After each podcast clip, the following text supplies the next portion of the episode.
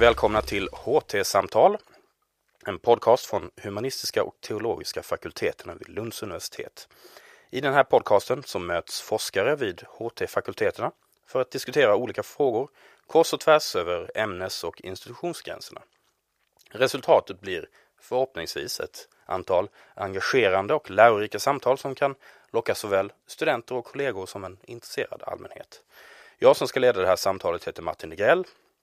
Jag är fakultetssekreterare vid HT-fakulteterna och även verksam som kulturskribent. Med mig här i studion så har jag tre eminenta gäster. Christian Balkenius som är professor i kognitionsvetenskap. Charlotte Hagström som är docent i etnologi och Anna Nilsson Hammar som är forskare i historia. Välkomna hit allihop! I det här avsnittet tänkte jag att vi skulle prata om drömmar. Och vad är då drömmar och hur använder vi begreppen dröm och drömmar i vårt språk? Vad signalerar de här orden för oss? Och för tydlighetens skull så kanske vi ska skilja mellan då dels drömmar som ett eh, fysiskt fenomen som sker när vi sover och å andra sidan då drömmar som begrepp för visioner eller fantasier eller ambitioner. Även om det här ibland kan liksom glida samman lite grann. Men hur, hur använder vi detta eh, Eh, i vårt språk och, och, och, så? Och det finns ju många olika slags drömmar. Eller vi använder ju dröm och drömmar i, på olika sätt. Alltså jag tänker att det finns, det finns dagdrömmar och det finns de berömda skitdrömmarna som Nina Björk pratar om. Och, och feberdrömmar. Men om man sätter det som ett prefix så är det ofta utifrån ett idealsituation, det vill säga en drömbild och en dröm, ett drömhus, ett drömjobb eller en drömkvinna, drömman och så vidare. Jag kan inleda med att ställa en fråga till allihop eller den som är, känner sig manad att, att uh, lägga in någonting. Är drömmar som begrepp eller som ord alltid positivt laddat? Vad säger Lotta? Mm. Jag funderar på om man säger liksom, då kanske man lägger till ett prefix till, liksom mardrömssemester eller så. Eh, säger man drömsemester så är det nog positivt. Tänker jag. Jag vet inte vad ni andra säger. Man säger att du har dina drömmar. Ja, så kan man ju säga. Ja. eller att någon är en riktig drömmare. Det är ja, inte precis. alltid positivt. Just det är någon det. som sitter och inte har så mycket kontakt lite, med verkligheten. Det är lite avfärdande sådär, ja. eller? Mm, jag tror att ordet dröm och, dröm och fantasi kan väl liksom vara både väldigt positivt konnoterat men också, också negativt som någon som då inte är i kontakt med verkligheten eller där drömmen står för det, drömmandet står för det overkliga. Någon sorts eh, eskapism ja, precis. i någon sorts negativ. Ja. För annars så när, när man pratar om att drömma, att föreställa sig något eh, förmågan att fantisera, eh, ha visioner av något som ännu inte är så att säga. Det, det är ju grundläggande tycker jag ganska positivt. Men precis som ni är inne på, det, det kan ju också sägas med någon sorts avståndstagande. Sådär just att eh, den här personen han bara är ute och drömmer liksom. Han har ingen kontakt med verkligheten och det är ju något negativt då. In your dreams. Man, ofta säger man ju det på engelska också av någon anledning. Ja, just det. Det, det finns ju också, också uttrycket att det finns uh, dreamers and doers. Uh, och i det, det sammanhanget är det ju kanske inte det mest positiva att vara en dreamer. Även om de behövs båda två. Precis, om man vänder på det då så kan man ju säga då att ja, men, sku, ja, men Martin Luther King då, han var ju en dreamer. och en doer. Och en doer. Mm. Drömmen blev ju, uh, har ju också varit föremål för, för olika former av tolkningar. Alltså man pratar om det här den sov, sovkopplade drömmen då, har ju alltid tolkats i alla, alla tider och blev väldigt stort under romantiken fick det en liksom uppsving för både författare och vetenskapsmän. Och där känner jag att där är ju någonting som, där glider de här olika begreppen ihop lite grann. Men jag, jag, jag tänkte just på det här, liksom det gamla, de, de gamla drömmarna från mitt väldigt ytliga och eh, ohistoriskt eh, belästa perspektiv, Anna. Om jag föreställer mig någon, en eh, svensk medborgare för 100-150 år sedan och tänker på vad hade den personen för drömmar, för förhoppningar om framtiden, för visioner, ambitioner och så vidare. Då tänker jag så här att ja, då hoppades de nog och drömde om att typ Eh, rovorna skulle bli, det skulle bli en bra skörd av rovor i år och så hoppas vi att inte allt för många av våra barn går bort till lunginflammation och så vidare. Jag förstår att det är en väldigt förenklad bild och sådär men jag föreställer mig att idag så tänk, behöver vi ju inte tänka på det på det sättet kanske men eller drömma på det sättet. Men vad, vad säger du om den superförenklade bilden? Jag skulle väl säga som så att um det kanske var så att man drömde om att eh, skörden skulle vara, eh, skulle, skulle vara god och att ens barn skulle överleva. Det, så är det ju säkerligen fortfarande för väldigt många människor. Eh, men jag tror att man, om man ska se historiskt på begreppet drömmar, så tror jag att man ska komplicera det här med eh, å ena sidan det nattliga medvetande tillståndet dröm eh, och eh, drömmen som en vision om framtiden. För det som är väldigt tydligt historiskt är att det finns en, en sammanblandning av de här två och att nattdrömmen inte sällan förutsäger framtiden eh, och blir ett sätt att faktiskt fundera och eh, förhålla sig till det som ska hända. Alltså den nattdrömmen kan ge eh, som ett varsel eller ett hjärtecken eller en, eh, någon sorts eh, eh, vision eller uppenbarelse om vad som ska komma i livet. Så det liksom påverkar sen hur man själv ja, drömmer om eller vad man lägger upp för målsättningar? Ja, det är eller? kanske inte någon klar, nödvändigtvis någon klar gräns mellan det här och man ser även i, eh, säg under eh, 1500 och 1600-talen så, så använder man just ordet dröm och fantasi, en drömmare och en fantast. Det är någon som blandar ihop då det som har hänt under natten eh, och det man har drömt under natten eh, med verkligheten och någon som inte är riktigt fast förankrad i det som de omständigheter som verkligen råder. Eh, och där kan man också se att, att ordet dröm får en får, får en negativ betydelse i den bemärkelsen att människor ska inte, inte drömma för mycket. Så att där kopplar det faktiskt till visionerna också. Man ska inte drömma för mycket om det som man inte har något inflytande över. Eh, sett utifrån en, eh, en väldigt gudsstyrd ordning. Men man, man blir ändå eh, påverkad på något sätt av det som, av nattdrömmarna. Men det krävs en viss alltså jag, jag, jag försöker tänka på liksom vilka drömmar och vilka personers drömmar som, som då kan ses som järtecken eller på olika sätt. Alltså det är inte den vanliga bondens drömmar som, som ger någon sorts riktning i... Jo, men jag skulle nog säga att det finns ju en ehm, det här med att tyda drömmar och att tolka drömmar är ju en väsentlig del av och har varit av mänsklig kultur under otroligt lång tid. Eh, och det finns ju drömböcker bevarade, alltså vittnesmål om drömböcker från eh, antiken, eh, antika författare som har, har skrivit vägledningar i, eh, i hur man ska tolka drömmar.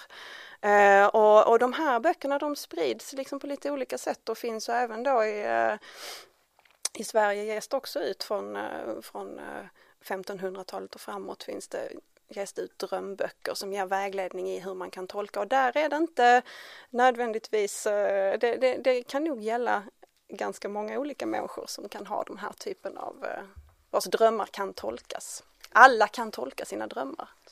Där skulle jag vilja lägga till också det här med, du sa om det var vilka människor det handlar om. Och det kan mycket väl handla om alltså vanliga bondebefolkningar. Jag tänker på svensk folktro finns hur mycket som helst kring hur man ska liksom få veta namnet på sin tillkommande eller se liksom man ska på midsommarafton plocka blommor och lägga under kudden och så drömmer man om den man ska gifta sig med och det finns liksom, det är bara ett sätt. Man kan då ställa sig vid en korsväg eller så ska man äta jättemycket salt sill så ska man naturligtvis vara tyst eh, när man gör det här så går man och lägger sig och sen så drömmer man då att det kommer någon och lämnar ett glas vatten till en eh, eller brännvin. Det kan vara lite olika, olika uppteckningar där. Men det, det är då den man ska gifta sig med. Och det här var ju liksom inte någon, knappast liksom prästerna och sådär som höll på med det. Det var väl snarare bondebefolkningen.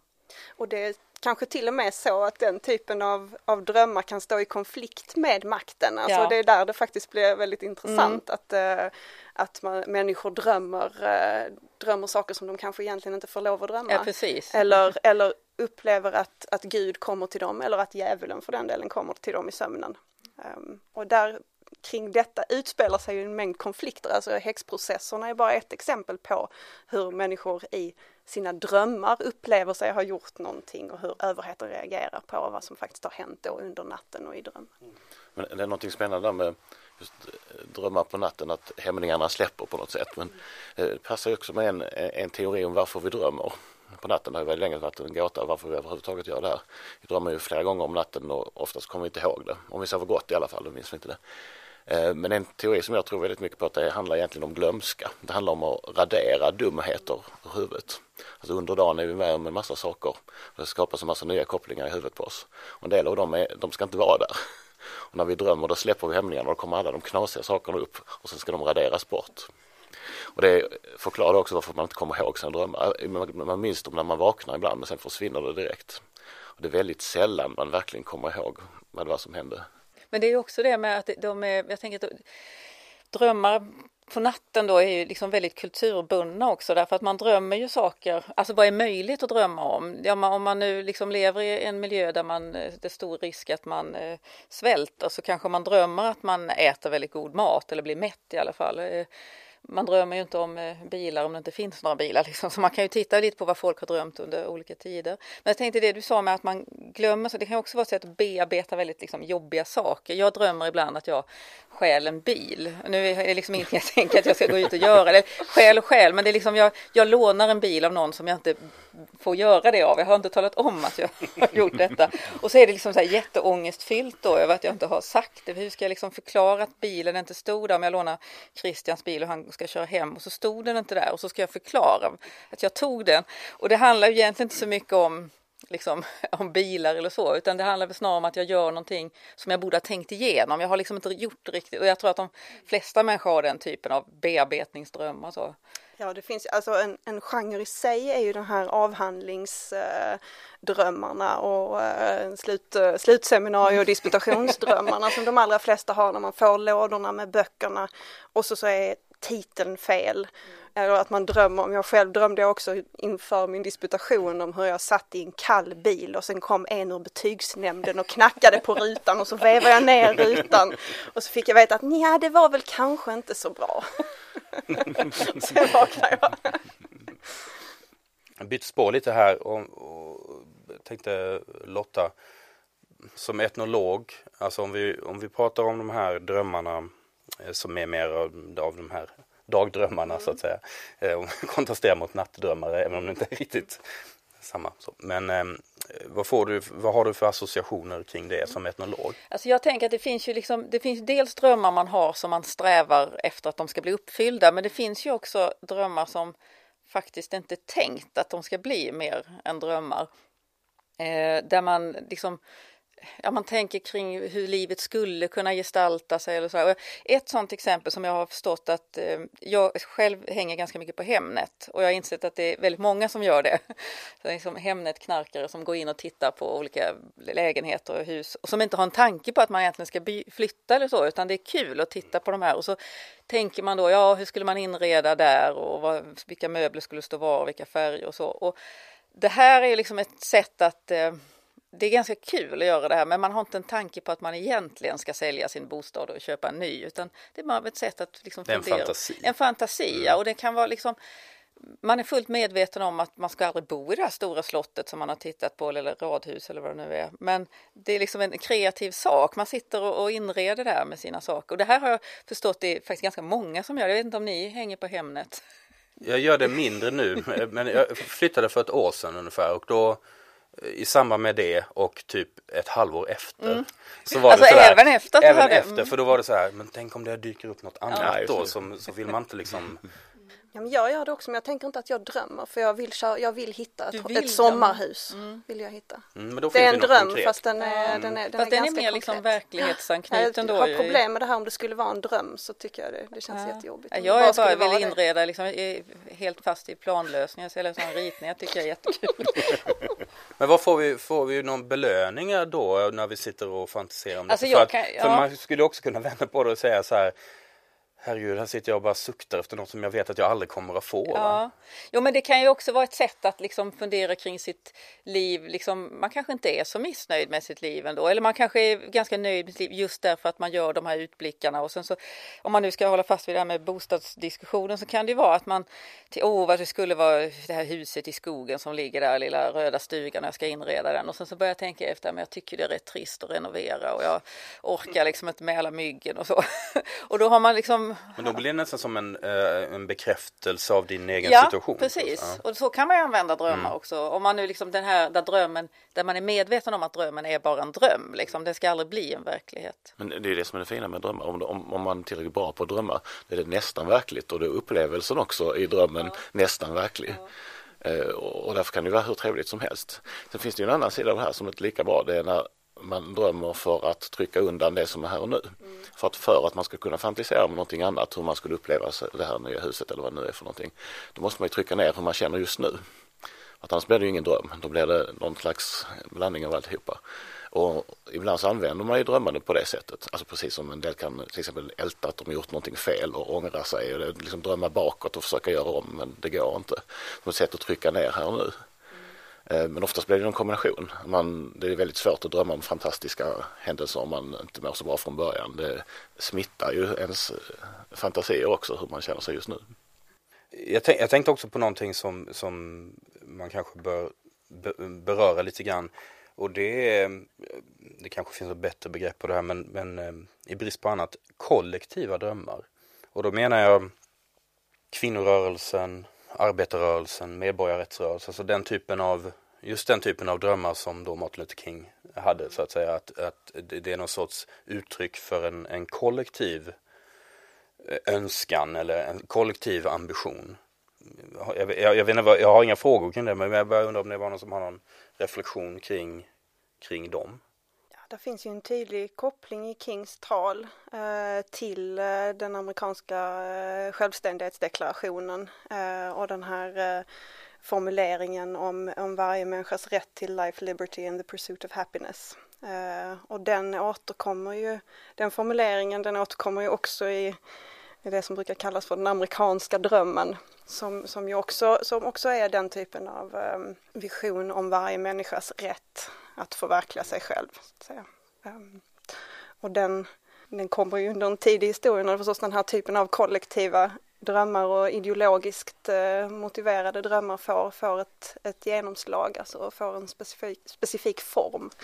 Eh, därmed inte sagt att de inte har funnits tidigare, men jag tror att det finns en, eh, man kan tänka sig att en, eh, en mer eh, en, en mer religiöst styrd ordning där och en eskatologi. Eskatologin har varit viktigare för hur eh, framtiden har tänkts så att säga. Eh, man har tänkt mer i jordeliv, himmelrike och att drömmen då skulle riktas mot, eh, mot det som kommer efter detta livet. Så, så sker det ju någon sorts förändring där under, under 1700-talet som ändå innebär att man orienterar sig mer mot den inomvärldsliga framtiden, alltså en, en sekularisering av, av drömmandet, av visionerna framför allt. Om politisering också Man kan ju också se det som att, det, när, att den här drömmen om ett bättre liv då på olika sätt blir ju kanske mer upp, alltså om man sitter själv och drömmer om det här så är det svårare att uppnå det än om man är ett, en grupp, liksom man är arbetarrörelsen eller kvinnorörelsen, man går samman och då blir plötsligt drömmen mer möjlig att nå. Liksom, det blir inte bara en dröm utan det blir faktiskt, ja, någonstans någon gång så kommer vi att nå dit.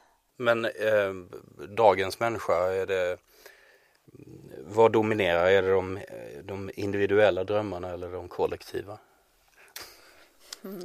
Ingen vågar ta den heta potatisen. Jag tror det finns jättemånga kollektiva drömmar idag. Ja, men jag tänker hela miljörörelsen Ja. till exempel, liksom en bättre värld eller djurrättsrörelsen eller något sånt. Så att jag tror inte man, det är nog inte så att man sitter och har Vissa människor är individuella, vissa är kollektiva. Det finns nog liksom en blandning hos, man har- kan väl liksom drömma för sin egen del men man kanske också drömmer om en, en bättre värld.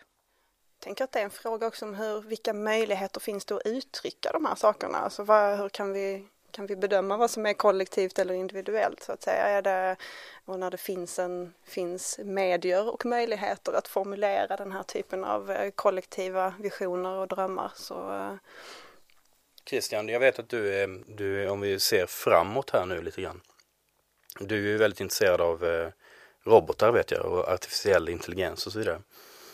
Eh, Philip K. Dick skrev ju en, en roman som heter Do Androids Dream of Electric Sheep som senare filmatiserades som Blade Runner. Och lite, jag vill liksom utgå lite grann från, från den där. För jag tänker att om vi funderar på det här med en artificiell intelligens och datorer och robotar som blir allt mer sofistikerade. Vad skulle krävas eller vad skulle vi avkräva från en artificiell intelligens för att kunna säga att den drömmer? Och då menar jag drömmer utifrån det här perspektivet att föreställa sig ett scenario som ännu inte har skett och så vidare. Eh, Eh, jag tror egentligen inte att det krävs så mycket för att man ska eh, tycka att en robot drömmer. Jag skulle nog säga att vi redan har en robot som drömmer. Det, det är bara det att de drömmer små ointressanta saker. Eh, som, som exempel, vi har en robot som, som på egen hand lär sig bygga med klossar. Den, den, kan föreställa sig hur fint det skulle vara om man ställde tre klossar ovanpå varandra, även om det andra djur satt än en ovanpå den andra. Och den har eh, så här, drömmar som inte går att nå heller. Den kan till exempel föreställa sig att fem klossar i ett torn, det skulle vara jättefint. Men den kommer aldrig kunna klara av det där för den kan inte lyfta armen tillräckligt högt. Men den kan ändå föreställa sig det här.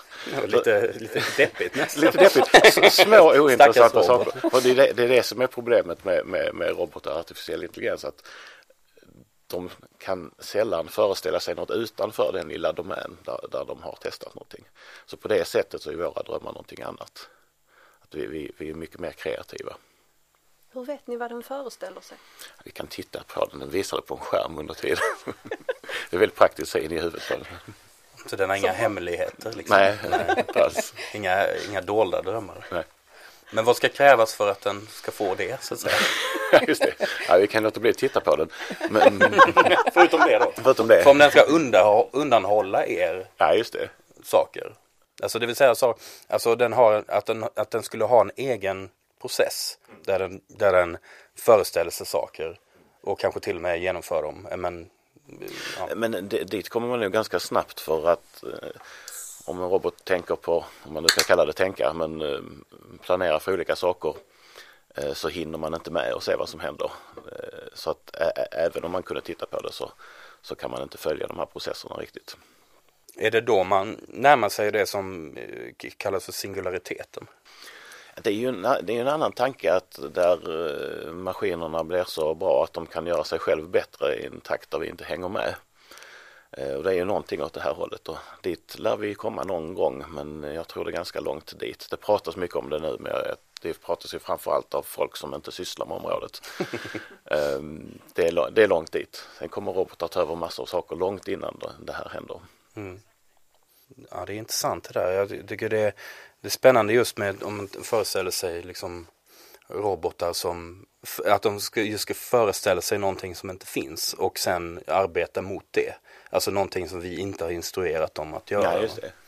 Men, men och där, som sagt, rent teoretiskt är det väl inte så långt bort från just det. Nej, alltså det är en av de sakerna jag är mest intresserad av, hur man skulle kunna få en robot att själv eh, så här, bilda sig en uppfattning om världen, själv utforska som ett litet barn som inte vet så mycket men testar att göra saker och testar att eh, titta sig omkring och så vidare och, och så småningom få någon slags förståelse för världen och sen kan man använda den för att, för att gå vidare.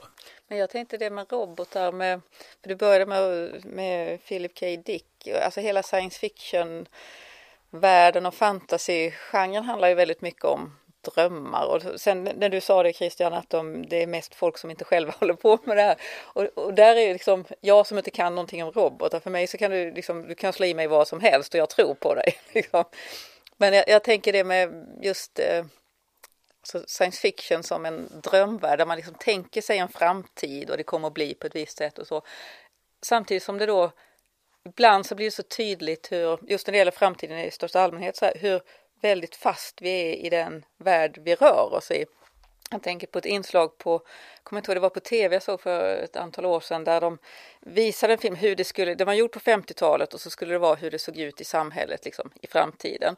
Och så skulle det komma sådana, jag tror det var flygande saker som skulle, liksom, man åkte hem i något helikopter av något slag och massa sånt. Men vad man också hade byggt i det här bostadsområdet, det var då, det var väldigt bra balkonger så mammorna skulle kunna gå ut och ropa på sina barn. För man kunde liksom inte tänka bort att det kanske inte finns hemmafruar utan man är liksom fast i det man tänker då. Och så tror jag det är väldigt mycket att våra drömmar och liksom föreställningar om framtiden är ju så präglade av var vi befinner oss nu. Eller kanske var vi har varit. Ja. Ja, men just science fiction är en fantastisk spegling av den tid där det är skrivet eller spelat in. Men, inte minst ser man ju det på att i framtiden kan allting vara annorlunda utom frisyrerna. De är alltid som precis den tidpunkt när den här filmen eller vad det är spelats in.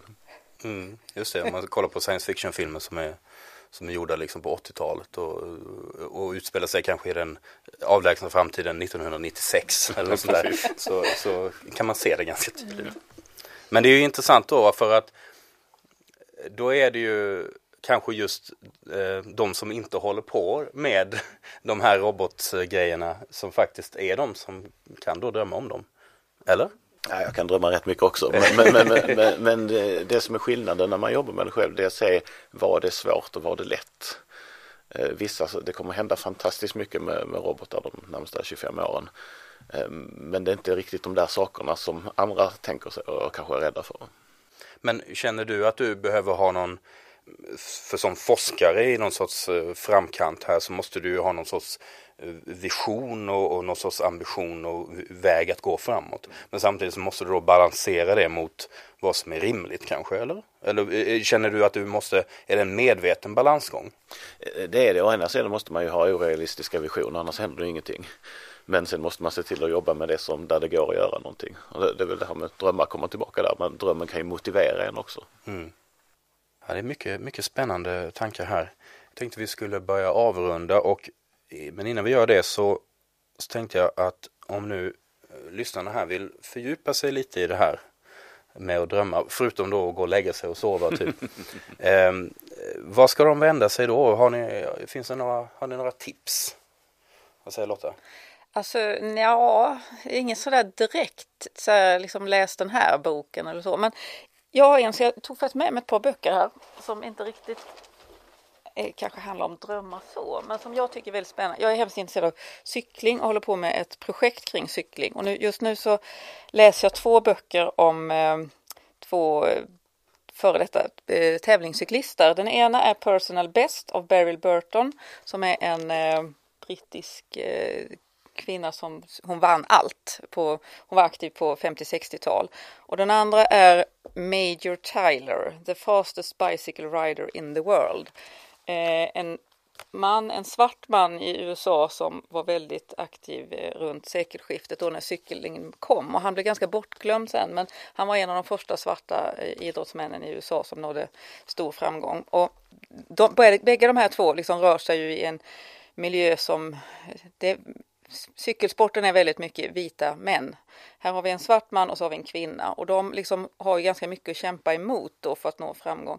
Det tycker jag är jättespännande med folk som liksom inte ger upp, som har liksom en sån här själv hade jag gett upp för länge sedan. Liksom. Jag hade aldrig orkat på det här. Och framförallt den här Beryl Burton som jag nu håller på att läsa som jobbar. Hon är liksom en kvinna i Yorkshire Yorkshire. Hon jobbar på fabriken och så byter hon så blir hon lantarbetare. Alltså riktigt tunga jobb. Sen på kvällarna så går hon ut och cykeltränar många, många mil. Och så har hon ett litet barn också. Alltså det är så här helt osannolikt. Hur orkar man på det här viset? Och så blir hon bäst. Och likadant med Your Taylor här då. Det tycker jag är intressant. Alltså hur, vad är det som motiverar folk att liksom, vad är det de vill? De vill vinna och vad är det för en dröm liksom?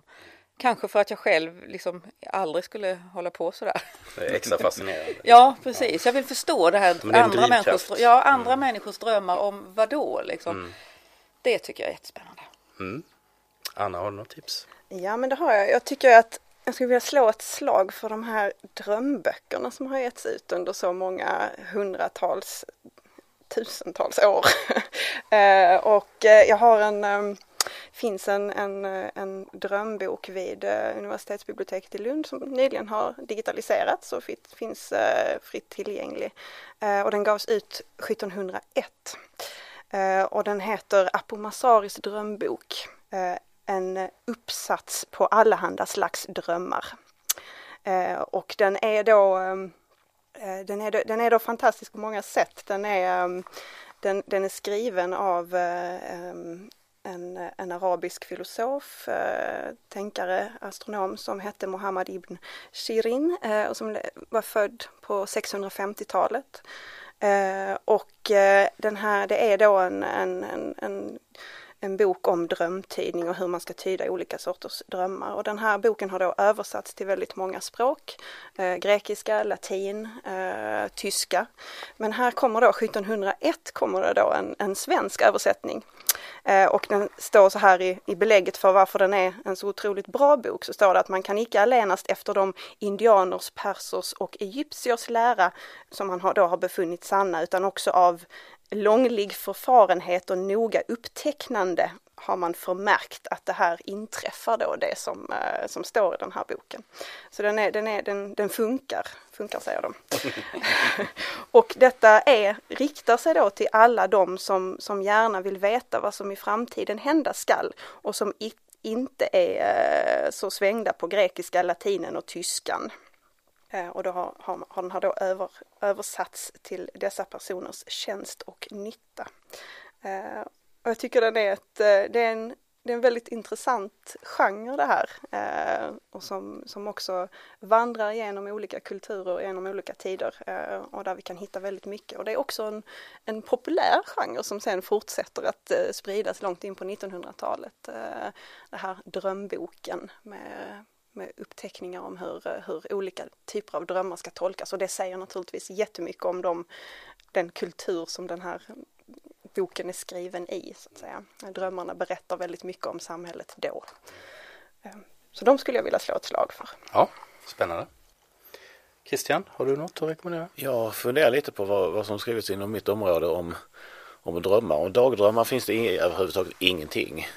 Eh, nattliga drömmar finns det en, flera böcker om som är mest dumheter. Så min rekommendation är helt enkelt att läs inte om, om det.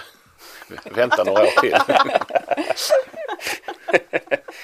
Vi väntar tills EEG eh, har liksom kommit ännu en bit. Jag menar att EEG har väl bara haft 50-60 eh, år på sig.